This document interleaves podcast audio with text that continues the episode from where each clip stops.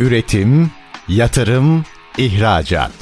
Üreten Türkiye'nin radyosu Endüstri Radyo sizin bulunduğunuz her yerde. Endüstri Radyo'yu arabada, bilgisayarda ve cep telefonunuzdan her yerde dinleyebilirsiniz. Endüstri Radyo.com Bikem Öğünç Demir'in hazırlayıp sunduğu Üretime Yön Verenler programı başlıyor. Üretime Yön Verenler programından herkese merhaba. Ben Bikem Öğünç Demir. Ee, bugün e, Valtek kurucu ortağı Tamer Sevinç bizlerle birlikte. Programımızda Tamer Bey ile toz toplama sistemleri üzerine konuşacağız. Tamer Bey hoş geldiniz yayınımıza. Hoş bulduk. Merhaba. Nasılsınız? Teşekkür ederim. Çok iyiyim. Siz nasılsınız? Bizler de iyiyiz. Zirveye hazırlanıyoruz. Tamer Bey öncelikle dinleyicilerimiz için sizi bir tanıyalım. Tanıyarak başlayalım. Bizler tanıyoruz tabii ama tanımayanlar vardır. Profesyonel geçmişiniz, uzmanlık alanlarınız e, ve tabii ki şimdiye kadar yaptığınız çalışmalarınız, bugün neler yaptınız biraz bunları bize anlatabilir misiniz? Tabii ki. Ben Tamer Sevinç, 1981 e, Bursa doğumluyum. E, ilk orta öğrenimi Bursa'da tamamladım. Bursa'da teknik lise, Hürriyet Teknik Lisesi'nde makine bölümü okudum. Bunun altını çizmek istiyorum. Sonrasında Uludağ Üniversitesi'nde iki yıllık bir ön lisans makine bölümüyle okudum. Sonrasında Yıldız Teknik Üniversitesi'ne dikey geçiş yaparak 4 e, yılda orada makine mühendisliği okuyarak aslında diplomalı 10 yıl e, makine üzerine bir eğitim almış oldum. Uzun yıllar makine üzerine okumuşsunuz. evet. Bu birazcık böyle ailemin yönlendirmesiyle oldu. Sonrasında üniversite bittikten sonra Bursa'da çok kısa bir süre e, aile şirketimizde babamla birlikte çalıştım. Çok mümkün olmadı babamla birlikte çalışmaya devam etmek. E, fikir ayrılıklarımız vardı. Sonrasında İstanbul'a geri geldim.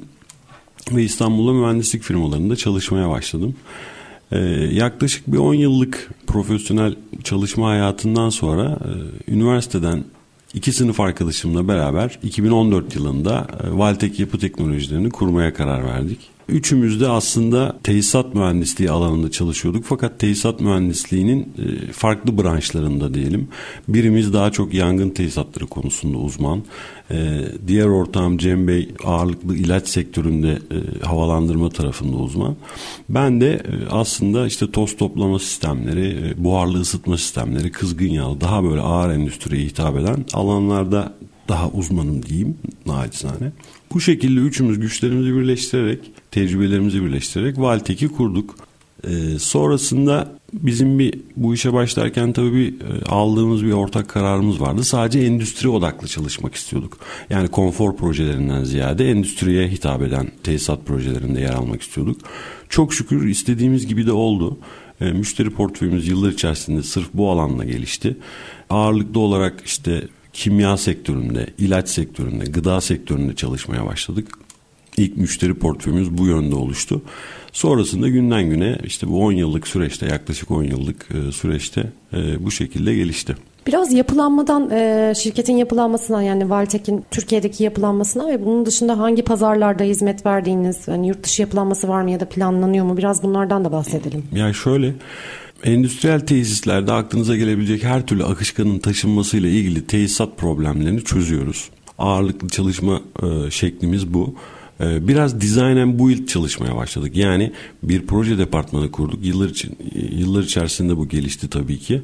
E, ilk uygulama firması olarak başlamıştık ilk başta. Sonrasında endüstri tesislerinde bir projelendirme alanında da bir eksik olduğunu fark ettik ve ister istemez bu bizi bir proje departmanı oluşturmaya itti. Böylelikle design and build olarak çalışmaya devam ettik. Sonrasında yine endüstrideki ihtiyaçların, e, eksikliklerin fark edilmesiyle bakım alanında yani kendi yaptığımız tesisatların bakımının yapılması konusunda da e, eksiklik olduğunu fark ettik ve müşterilerimizden gelen talepler doğrultusunda bir bakım ekibi de oluşturmak durumunda kaldık. Dolayısıyla e, hal böyle olunca işte projelendirmeden uygulamaya, uygulamadan satış sonrası e, bakıma kadar, periyodik bakım hizmetlerine kadar tüm alanlarda e, hizmet etmeye çalışıyoruz. Çok şükür şu ana kadar da başarılı olduk müşterilerimiz tarafından. Biraz da bizi böyle piyasa yönlendiriyor. Örneğin bir fabrikada çalışmaya başlıyorsunuz. Ee, işte Sadece havalandırma alanında çalışmaya başlıyorsunuz. O alanda bir çalışma disiplini ve işte doğru çözümler bulunduğunu müşteri hissettiğinde işte size başka bir alanda da ihtiyaç olduğunu gösteriyor. Sonuçta hepsi mühendislik problemi ve genel itibariyle tesisat problemi, akışkanlar mekaniği problemi olduğu için e, o tarafa da yönleniyorsunuz. Oraya da çözüm buluyorsunuz. Böyle böyle geliştik. Birazcık çalışma alanlarımız bizim kontrolümüzün dışında, yani kontrolümüzün dışında demek doğru değil belki ama müşteri talepleri doğrultusunda biraz yelpazemiz genişledi. Bu arada küçücük de olsa bir e, şundan bahsetmek isterim. Bir ARGE şubemiz var. Dijital Kent e, Teknopark'ta Türk Alman Üniversitesi ile Recep Tayyip Erdoğan Üniversitesi'nin ortak teknoparkı burası.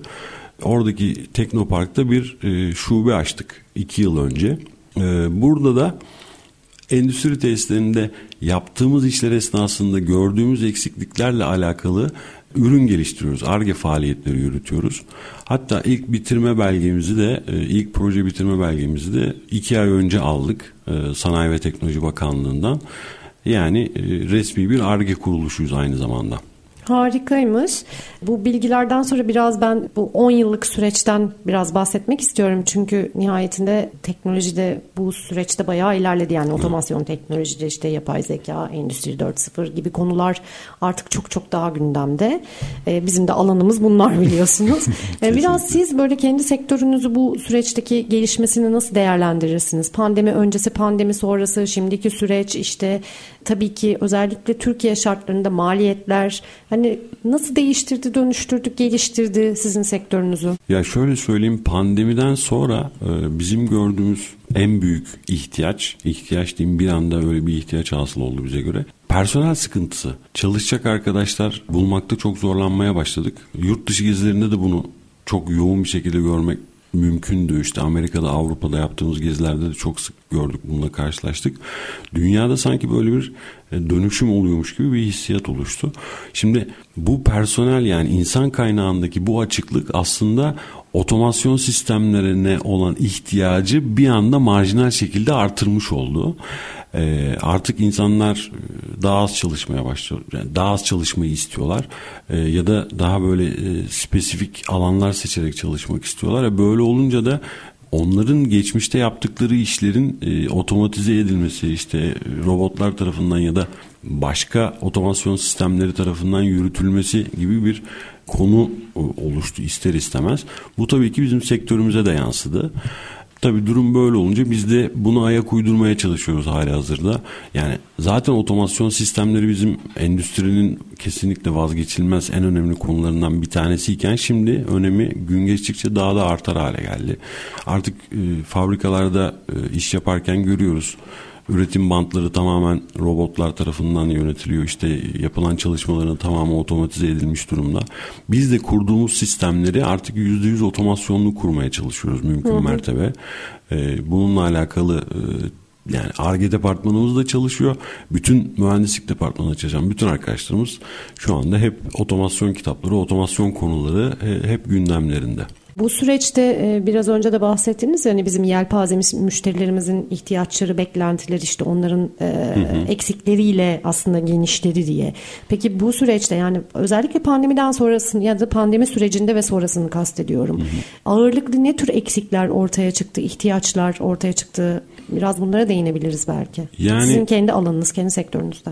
E, bizim alanımızla alakalı bu bahsettiğim kontrol konusu, otomasyon konusunu tekrar yani ilk sırada tartışmasız o var. Yani daha geçmişte pandemiden önce e, hiç talep gelmeyen konularla alakalı bize artık yani bunu nasıl otomatize ederiz, insandan bağımsız hale nasıl getirebiliriz gibi konular gelmeye başladı. Örnek? Örneğin bakım. Hmm. Bakım konusu. Ee, geçmişte bu işler nasıl yapılıyordu? Yani pandemiden öncesinden bahsedeyim. İşte fabrikaların bakım personelleri olur. Periyodik olarak tesisat sistemleri üzerinde işte günlük, haftalık, aylık, saatlik neyse e, sistemin ihtiyacına göre kontroller yapılır. Sonra bu kontrollere göre notlar alınır. E, düzeltilmesi gereken, bakım yapılması gereken yerler e, bizden talep edilirdi. Şimdi ise bu bahsettiğim konuların tamamı aslında artık işte sensörler vasıtasıyla, kontrol noktaları vasıtasıyla bir merkez SCADA sistemi diyeyim bir e, merkez sisteme iletiliyor. O sistemden orada herhangi bir bakım müdürüne ya da bir bakım personelinin ekranında artık görünüyor nerelerde bakım ihtiyacı olduğu, hangi vananın ya da hangi kontrol noktasının bakım zamanının geldiği. En önemli değişiklik şu an bizim e, görebileceğimiz marjinal değişiklik gördüğümüz diyeyim bu alanda gerçekleşti. Bunun dışında tabii hal böyle olunca artık kurulan sistemlerde yeni kurulan sistemlerde sıfırdan e, inşa edilen sistemlerde de otomasyon parametreleri en önemli parametreler haline geldi tabii ki yani. Tamer Bey şimdi Valtek yapı teknolojilerinin işte yapılanmasını konuştuk, kurulmasını konuştuk, verdiğiniz hizmetleri falan ama ana konumuz tabii ki aslında toz toplama sistemleri evet. olacak. Buna geçmeden önce ben birazcık böyle e, genel olarak ürün ve çözümlerinizi anlatmanızı istiyorum bize konunun başında da bahsetmeye çalıştığım gibi bir endüstri tesisinde yani herhangi bir endüstri tesisinde aklınıza gelebilecek her türlü akışkanın taşınmasıyla alakalı sistemleri kuruyoruz. Bizim çalıştığımız alana e, daha çok yardımcı işletmeler ismi veriliyor. Yardımcı işletmeler ne demek? Proseste ihtiyacınız olan ortam koşullarının sağlanması aslında. Yani bir İlaçtan örnek verelim. Atıyorum bir e, ilaç üretim prosesindesiniz. O ilacın üretilmesi için ham maddesinin veya işte etken maddesinin üretilmesi için gereken ortam koşulları var. İşte o bir takım kimyasallar ya da işte doğal tozlar ya da doğal e, ham maddeler bir araya getirilirken o ham maddelerin en iyi üretilmesi için gerekli koşullar işte atıyorum diyelim ki 25 derece ortam sıcaklığı %50 bağıl nem olması gerektiği işte ışıktan ve e, başka şeylere maruziyet olmaması gerektiği gibi konularda biz o ortamın uygun koşullarını sağlamaya çalışıyoruz. İşte hijyenik havalandırma dediğimiz hijyenik ortam koşullarının sağlanması tabii en önemli konu. E, bir diğer konu da toz toplamaya yani e, birazcık da değinelim burada. Atıyorum ilaç veya kimya üretim tesisinde o üretim esnasında o orada bulunan personelin o toksik toza maruz kalması konusu. Bu en önemli konulardan bir tanesi. Ee, yine aynı şekilde o ortamdan emilen yani personelin ya da oradaki insanların maruz kalmaması için, maruziyetin düşürülmesi için ortamdan çekilen tozun doğaya bırakılmaması konusu da yine sonuçta toksik olduğu zaman e, doğaya bırakılmaması konusu da önemli. Orada da işte bizim toz toplama sistemlerimiz biraz devreye giriyor. Dolayısıyla bu yardımcı işletmeler konusunda işte yine yelpazemizin genişli, genişlemesine biraz değineyim burada. Bu mekanik sistemleri kurarken bu sistemlerle beraber kurulması gereken işte elektrik altyapısı ihtiyacı doğdu. E, böyle olunca biz e, bir takım elektrik partnerlerle çalışmaya başladık. Elektrik firmalarıyla çalışmaya başladık. Hatta bünyemize de bu alanla alakalı bir miktar personel aldık. Elektrik elektronik mühendisi bir proje müdürümüz, işte elektrik teknisyeni iki arkadaşımız ve e, yine konusunda uzman arkadaşlar var ekibimizde. Elektrik de işin içine girince az önce bahsettiğimiz otomasyon konusunda doğal olarak sürecin bir parçası haline geliyor. E, böyle olunca da işte yine e, otomasyon partnerlerimiz ve otomasyon ekibimiz ister istemez oluştu süreç içerisinde. Hı hı, aslında zincirin halkaları buradan da enerji verimliliğine kadar gidiyor. Evet. Elektrik altyapısı dediğimizde mesele enerji maliyetleri, enerjinin verimli Kesinlikle. kullanılması, işte e, tesisin e, verimli bir şekilde çalışması hepsine gidiyor yol.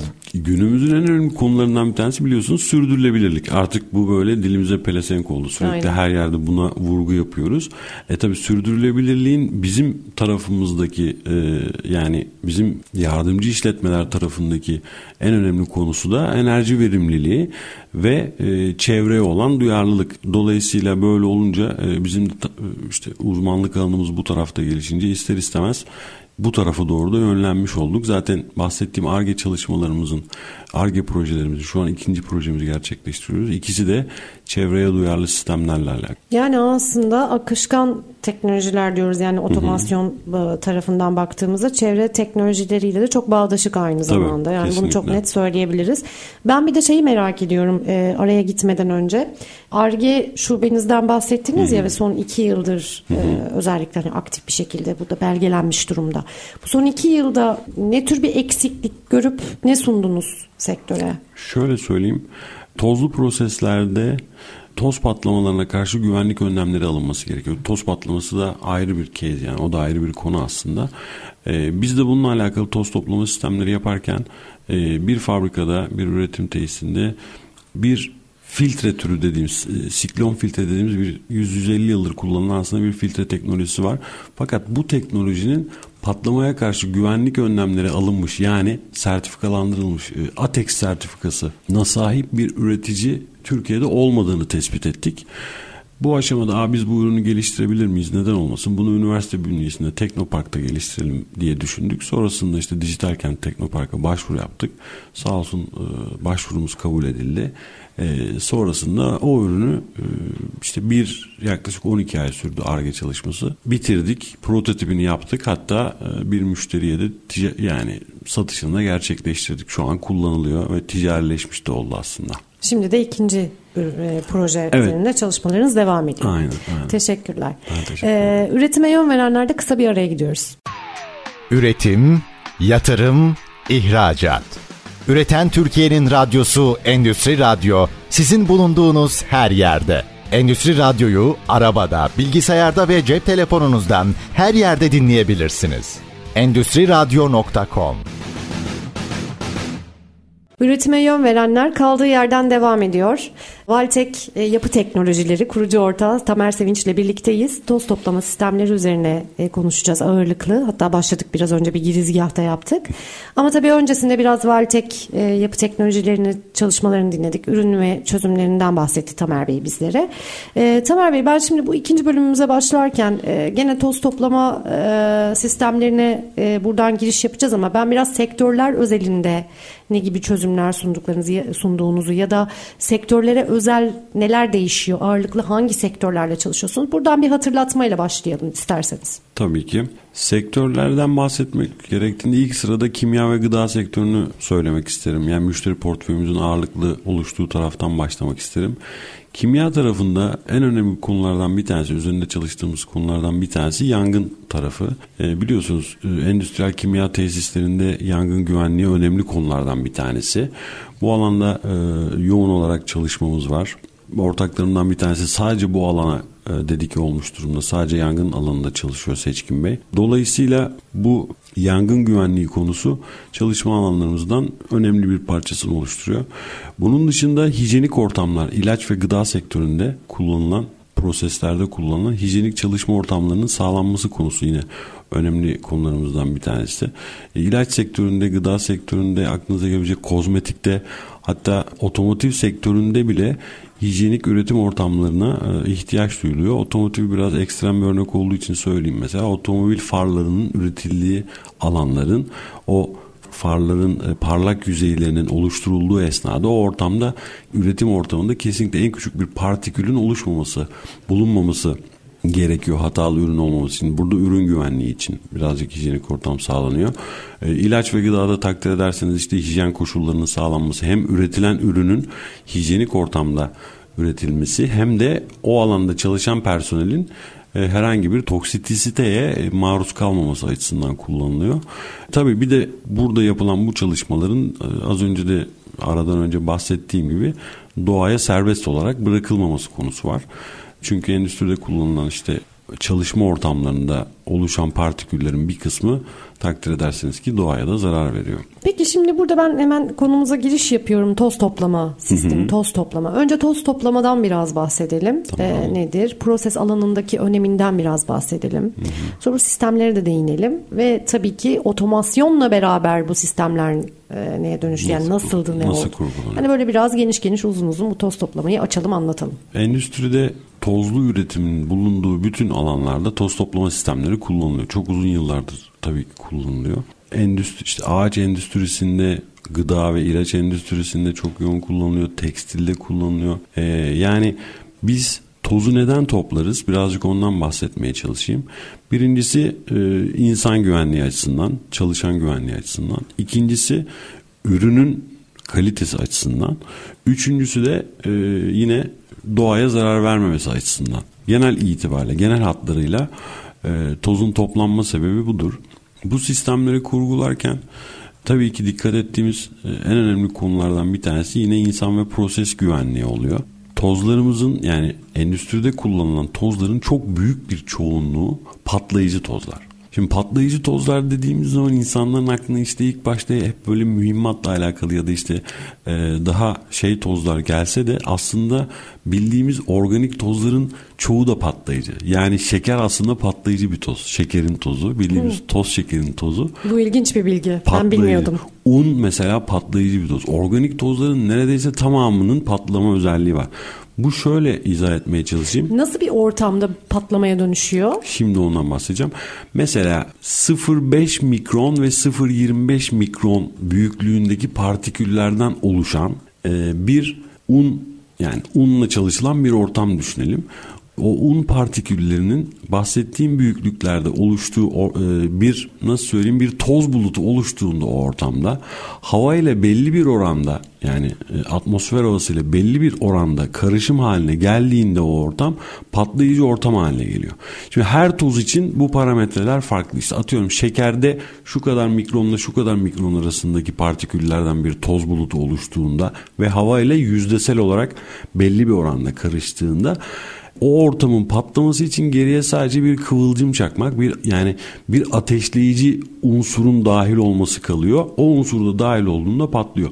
Yakın geçmişte hatırlarsınız e, Dilovası'nda Toprak Mahsulleri Ofisi'nin buğday şeyinde buğday silolarında bir patlama olmuştu. Evet. Daha geçmişte Konya Şeker Fabrikası'nda bir e, şeker tozuyla alakalı bir patlama oldu. Dünyada bunun çok örneği var. Türkiye'de de var. E, işte tozun bu patlayıcılık özelliğini de biz toz toplama sistemleri yap, e, kurgularken, tasarlarken en çok üzerinde durduğumuz konulardan bir tanesi hatta ilk sırada gelen öncelikle bu tozun çalışma alanındaki tozun patlayıcı olup olmadığı. Önce bunun araştırmasını yapıyoruz. Literatür taraması yapıyoruz. Müşterimizden aldığımız eğer literatürde kullanılan tozun patlayıcı olup olmadığına dair e, gerekli değerler kesinlikle yoksa daha önce çalışılmamışsa bu tozla alakalı tozun bir numunesini alıp e, yurt dışında akredite laboratuvarlar ve test merkezleri var e, Avrupa'da ve Amerika'da. E, bu merkezlerle sürekli kontak halindeyiz. Oralara gönderip toz numunesini patlayıcılığı hakkında e, değerler elde ediyoruz. Ve aslında bütün tasarımımız tasarımımızın ana konusu bu ATEX konusu. Yani ATEX dediğim Avrupa'da ve işte dünyada bu konuyla alakalı Avrupa standartlarında bu patlama konusuyla alakalı yapılan sınıflandırma ve standartizasyon. Dolayısıyla durum böyle. Şimdi bu konuya ülkemizde nasıl söyleyeyim işte yakın tarihe kadar bundan 10-15 sene öncesine gittiğimizde aslında bu pat, toz patlaması konusunda çok fazla dikkat edilmiyormuş. Edilmiyordu. Şansa mı bırakılıyormuş biraz? ya ya tam olarak şansa da demeyelim ama bilgi eksikliği var. Zaten dünyada da bu konunun gelişimi böyle çok eski tarihlere dayanmıyor aslında baktığınız zaman. Ee, yani genel olarak söylüyorum bunu. Ee, bu konuya işte şimdi yakın geçmişte daha fazla ehemmiyet verilmeye başlandı. Çünkü endüstride artık yoğun bir gelişim var. Ee, ve işte bu gelişme özellikle batıdaki bu alandaki gelişme bizim de ayak uydurmamız gerekiyor. Birazcık da standartların bize doğru gelmesiyle de bu konu alakalı. Ama sonuçtan memnunuz. Yani yaptığımız her işin bilinçli yapılması gerektiğini düşünürsek e, endüstride de bu bu tarafta artık şey e, bu konulara dikkat edildiğini görmek güzel.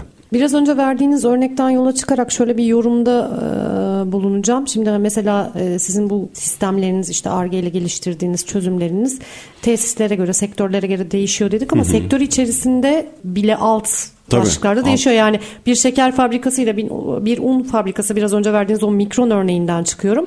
O bile aynı değil. Yani şunu diyemiyoruz yani bir gıda tesisinde değerler bu olmak zorundadır bile tabii diyemiyoruz. Ki. O bile tabii değişiyor ve aslında komplike bir süreç. Tabii tabii. Yani şöyle söyleyeyim. E, prosesten prosese bile değişiyor. Yani aynı üretim bandında Diyelim ki bir şekerleme fabrikası düşünelim ya da bir gıda fabrikası düşünelim. Aynı üretim bandında bir paketleme e, prosesinde önce başka bir ürün paketleniyor sonrasında başka bir ürün paketlenmeye başlıyor. Mesela bu iki ürünün paketlenmesi esnasında ürünlerin e, üzerindeki e, ham madde ya da işte e, toz partiküllerinin şeyi e, türü değişikse o iki proseste bile farklı önlemler almak durumunda kalıyorsunuz. İşte burada otomasyon aslında devreye giriyor biraz. Otomasyon konuları devreye giriyor. E, ve e, bunu mümkün olduğu kadar insandan bağımsız ve tehlikesiz hale getirmeye çalışıyoruz otomasyon sistemlerini kullanarak. Biraz önce dediniz ya patlayıcı tozlar. Patlayıcı olmayan tozlar var mı? Tabii ki. Bunlar da örnek olarak neyi verebiliriz? Mesela pudra patlayıcı bir toz değil.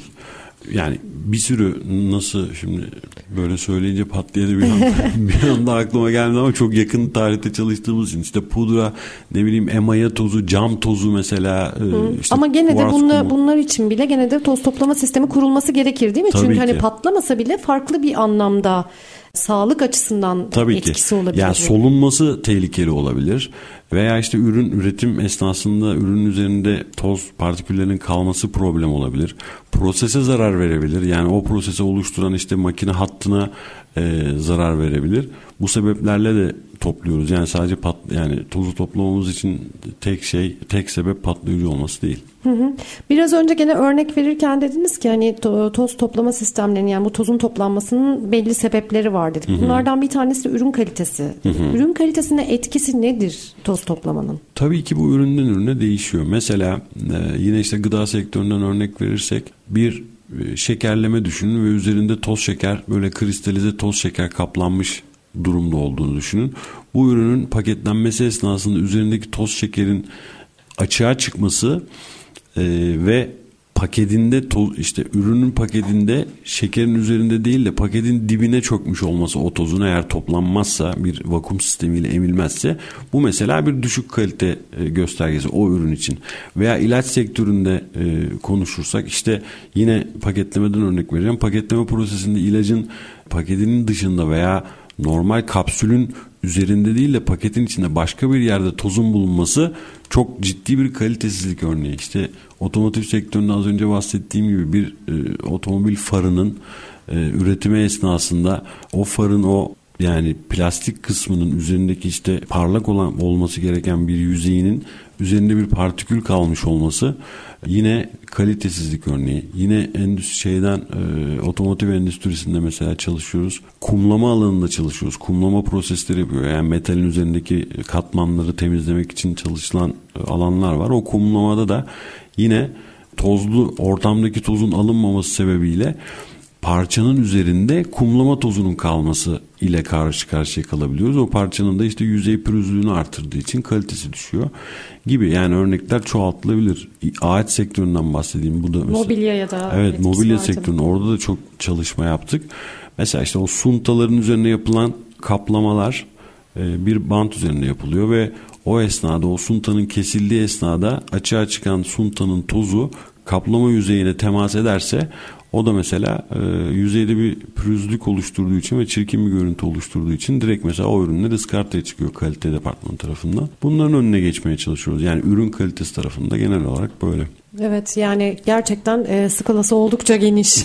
E, yani tekstil bile örnek verilebilir. Akla Tabii gelebilecek tabii. her alan var Bütün burada. sektörlerde kesinlikle yani e, tozun neredeyse hani tozlu prosesin olmadığı sektör neredeyse yok yani. Hele de bunu işte bahsettiğim gibi ürün kalitesi, insan sağlığı ve çevre sağlığı gibi işte proses güvenliği açılarından bakıldığında neredeyse etkilemediği sektör yok. Hı hı.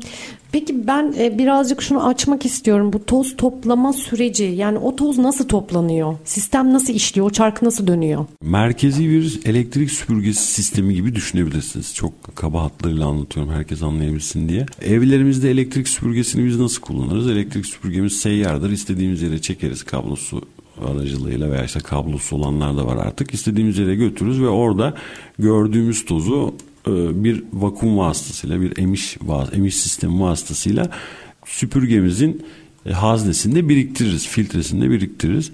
Bu şekilde düşünün fakat burada sistem daha merkezi. Yani bir toz toplama ünitemiz var. Fabrikanın uygun bir yerine monte edilmiş, kurulmuş bir toz toplama ünitemiz var. Ve bu toz toplama ünitemizden çıkan borular vasıtasıyla tozlu alanlara kadar bu boruları götürerek proseste açığa çıkan tozlara yaklaşarak bu tozların e, o merkezdeki toz toplama ünitesine ve filtre ünitesine emilmesini sağlıyoruz. Aslında bir emiş bir vakum sisteminden bahsediyoruz. Tabi e, bu sistem kurgulanırken e, bizim işte yakalama hızı dediğimiz işte capture velocity dediğimiz tozun emiş noktasıyla emiş ağzının toza yakınlığı e, gibi bir parametre var. Burada takdir ederseniz ki toz partikülünün büyüklüğü büyüklüğü ile vakum gücünün ya da vakum noktasının, emiş noktasının partikülü olan uzaklığı önemli bir konu. İşte siz evde de elektrik süpürgesiyle bazen bazı büyük parçaları alamadığınızda emiş ağzını biraz daha yaklaştırırsınız ki o parçayı rahatlıkla çekebilsin diye. İşte yakalama hızı gibi aynı şekilde kanal içerisinde o tuzun toz toplama ünitesine gidene kadar e, sarf ettiği mesafe, kat ettiği mesafe esnasındaki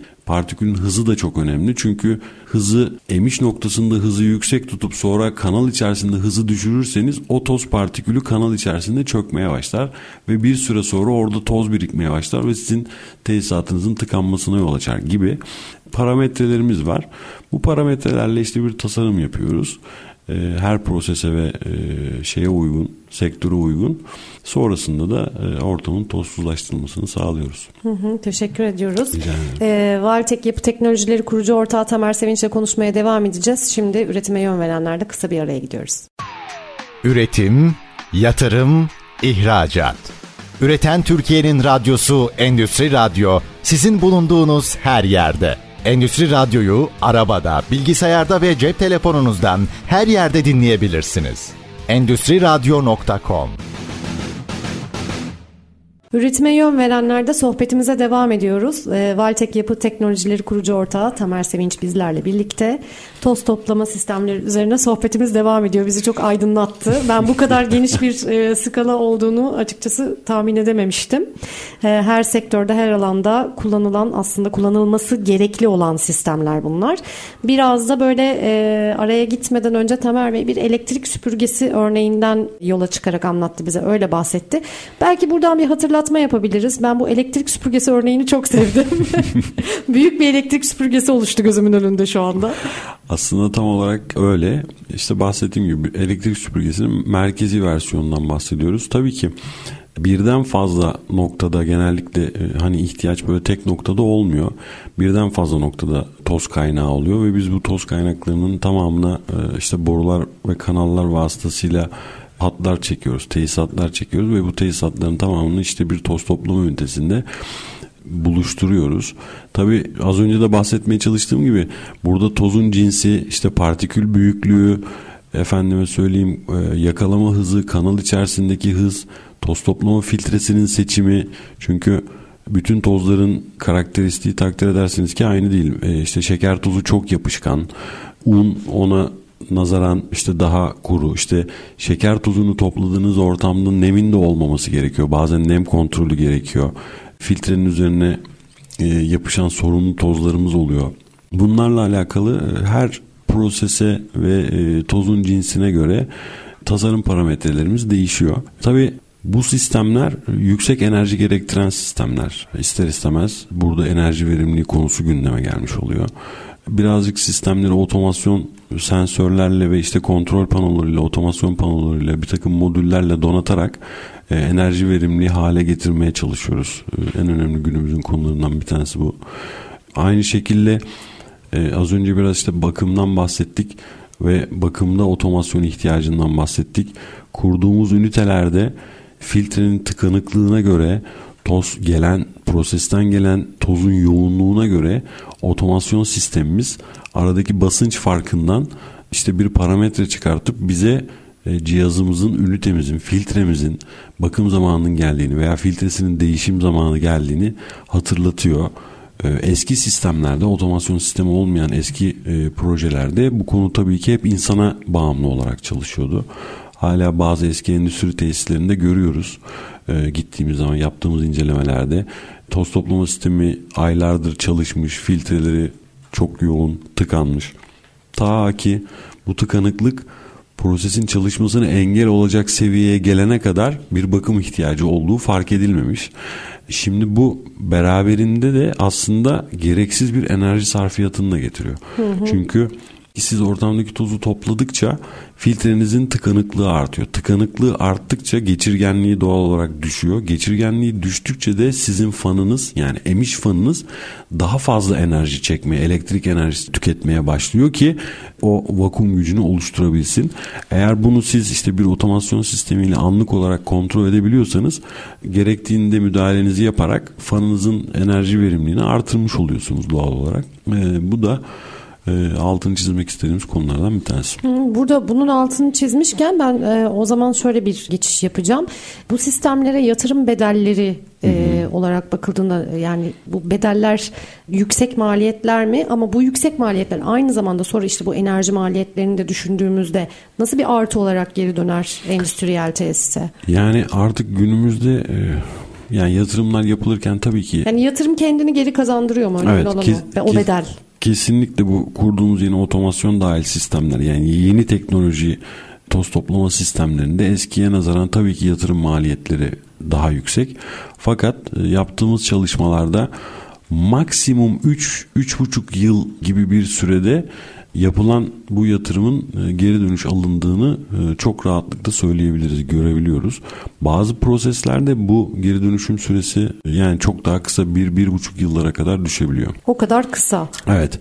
Bu sistemin ne kadar büyük olduğuyla da tabii alakalı. Daha küçük sistemlerde geri dönüşüm süreleri biraz daha uzuyor ama yani büyük sistem büyük sistemlerden kastımı da söyleyeyim. Yani bir toz toplama ünitesinin şu ana kadar işte en küçük kapasitesi 2000 metreküp bölü saat debi olarak bir kapasite verelim. Yaklaşık 2000 metreküp bölü saat olarak düşünebiliriz bizim e, kullandığımız e, şeyde alanlarda. Yani bunun 120 bin metreküp bölü saat kapasiteye kadar çıkan endüstri tesislerimiz var. Bu yıl içerisinde bitirdiğimiz bir gıda tesisinde düşünün 270 bin metreküp bölü saat toplam toz toplama kapasitesi vardı. E şimdi bu kadar büyük debilerde çalıştığınızda işte 55 kilowattlık 9 tane fanımız var orada mesela. E, bu fanların yani her birinden yani 5 kilowatt 6 kilowatt yani öyle bir tasarruf elde ettiğinizi düşündüğünüzde tabii çok daha kısa sürelerde aslında e, yatırımın yani otomasyon ve enerji verimliliği yatırımının geri dönüş geri dönüşünü sağlamış oluyoruz. Tamer Bey şimdi e, biraz önce enerjiden bahsettik. İşte programımızın başında aslında çevresel etkilerden bahsettik. İş sürdürülebilirliğe değindik. Ben burada biraz iş sürdürülebilirliği açısından da konuya değinmek istiyorum. Bu sistemlere yatırım yapıldığında iş sürdürülebilirliği açısından testlerine gibi bir etkisi var.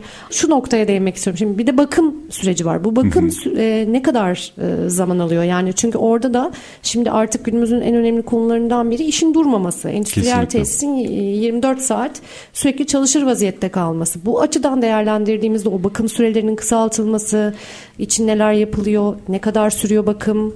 Biraz buna da değinelim bence. Zaten şu an yani bahsettiğiniz konular endüstrinin zaten sürekli gündeminde fabrikalarda çok sık karşılaştığımız konular.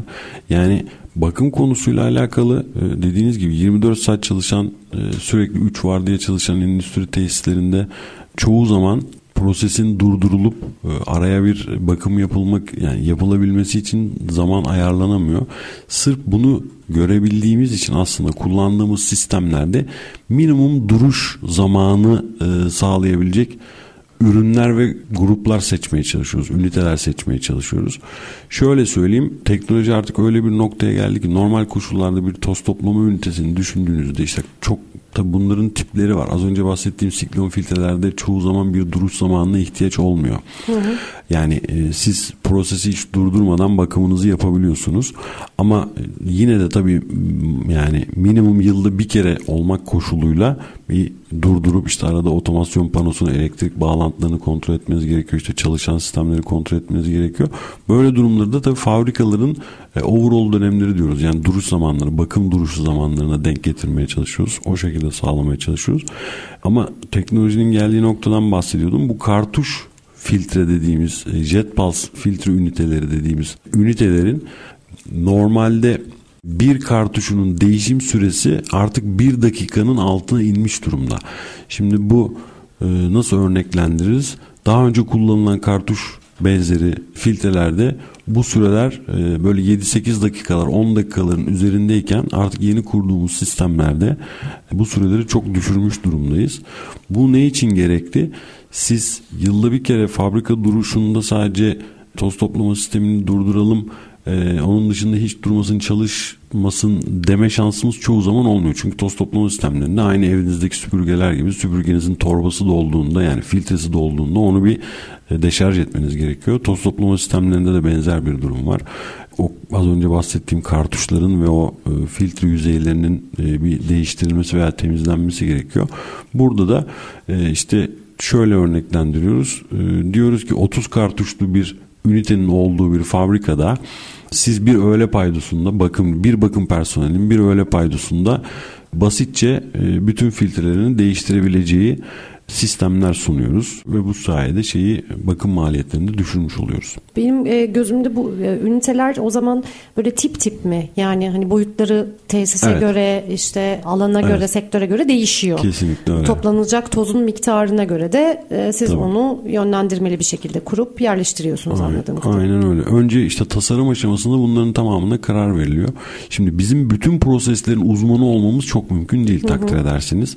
Sonuçta yaptığımız iş mühendislik ama prosesin idare edicileri tarafından yani müşteri temsil müşterilerimizin işte yatırım departmanındaki mühendislik departmanındaki arkadaşlarla kafa kafaya verip tasarım aşamasında e, uzunca çalışıyoruz. E, işte dediğim gibi tozlarından numuneler alıp işte tozlarının bütün özelliklerini tartışıyoruz. O tozu uygun koşullarda toplayacak sistemin tasarlanması aşamasında da her aşamada mutlaka onların fikrini alıyoruz. Diyoruz ki biz hızı şurada şu seçtik. İşte şurada 20 metre bölü saniyenin altına düşmedik. Sonra yani ara borulamanın tasarımından sonra bir de filtre seçimine geliyor konu. Yani ürünü filtrelerimizin de çok çok çok çeşitli e, şeyleri var, türleri var. E, çok fazla filtre çeşidimiz var. Bu filtrenin işte seçimi de yine e, üründeki ya da işte ortamdaki toza göre değişiyor. Yani aslında sistemin uygulama süresi projelendirme ve tasarlanma süresinden çok daha kısa oluyor. Yani uzunca bir proje çalışmasının sonucunda artık bütün parametrelerin doğru seçildiğine emin olunduktan sonra e, uygulamaya geçmiş oluyoruz. Dolayısıyla hassas bir çalışma gerektiriyor. Programımızın sonuna doğru gelirken ben burada hani filtreden de söz etmişken e, biraz iş sağlığı güvenliği konusuna da tekrar bir altını çizmek istiyorum. İnsan sağlığı kısmına değinmek istiyorum. Çünkü aslında tabii ki bunlar hani toz patlaması dediğimiz bir mesele var ama sadece böyle bir kaza durumundan bahsetmiyoruz. Bu tozların solunması durumu da var. Bu toz toplama sistemleri kullanılmadığı takdirde insan sağlığı açısından bu tozları solumak ne gibi rahatsızlıklara yol açıyor? Burada işte artık günümüzde çok şükür diyorum. Ee, geçmiş oranla baktığımızda Türkiye olarak çok fazla yol kat ettik. İş sağlığı, işçi sağlığı, iş güvenliği açısından. Özellikle yani büyük endüstri tesislerinde bu tip işte kimya tesislerinde, gıda tesislerinde, ilaç tesislerinde yani aklınıza gelebilecek toksik tozların bulunduğu bütün endüstrilerde artık biz özellikle gezdiğimiz gördüğümüz fabrikalarda görüyoruz ki e, iş güvenliği önlemleri detaylıca alınmaya çalışılıyor. Herkes kendi alanıyla alakalı bu konuyla alakalı çalışmalar yapıyor. Dolayısıyla şimdi şöyle düşünün. Mesela yine ilaçtan örnek vereceğim. Bir tansiyon ilacını düşünelim. O tansiyon ilacının normalde biz kullanıcı olarak, ilaç kullanıcısı olarak, hasta olarak işte atıyorum çok küçük miligramlarda etken maddesini aldığımızda tansiyonumuzun düşmesini sağlıyoruz. E şimdi o tansiyon ilacının üretildiği ortamdaki personeli düşünün. O kadar yoğun bir toza maruz kalıyor ki normal koşullarda. Çok yani, güzel bir örnek verdiniz. Mili, miligramlarca yani e, normal bir insanın aldığı miligramın çok daha üzerinde bunu soluyarak ya da işte hani e, şey yaparak maruz kalarak aslında buna şey olmuş oluyor.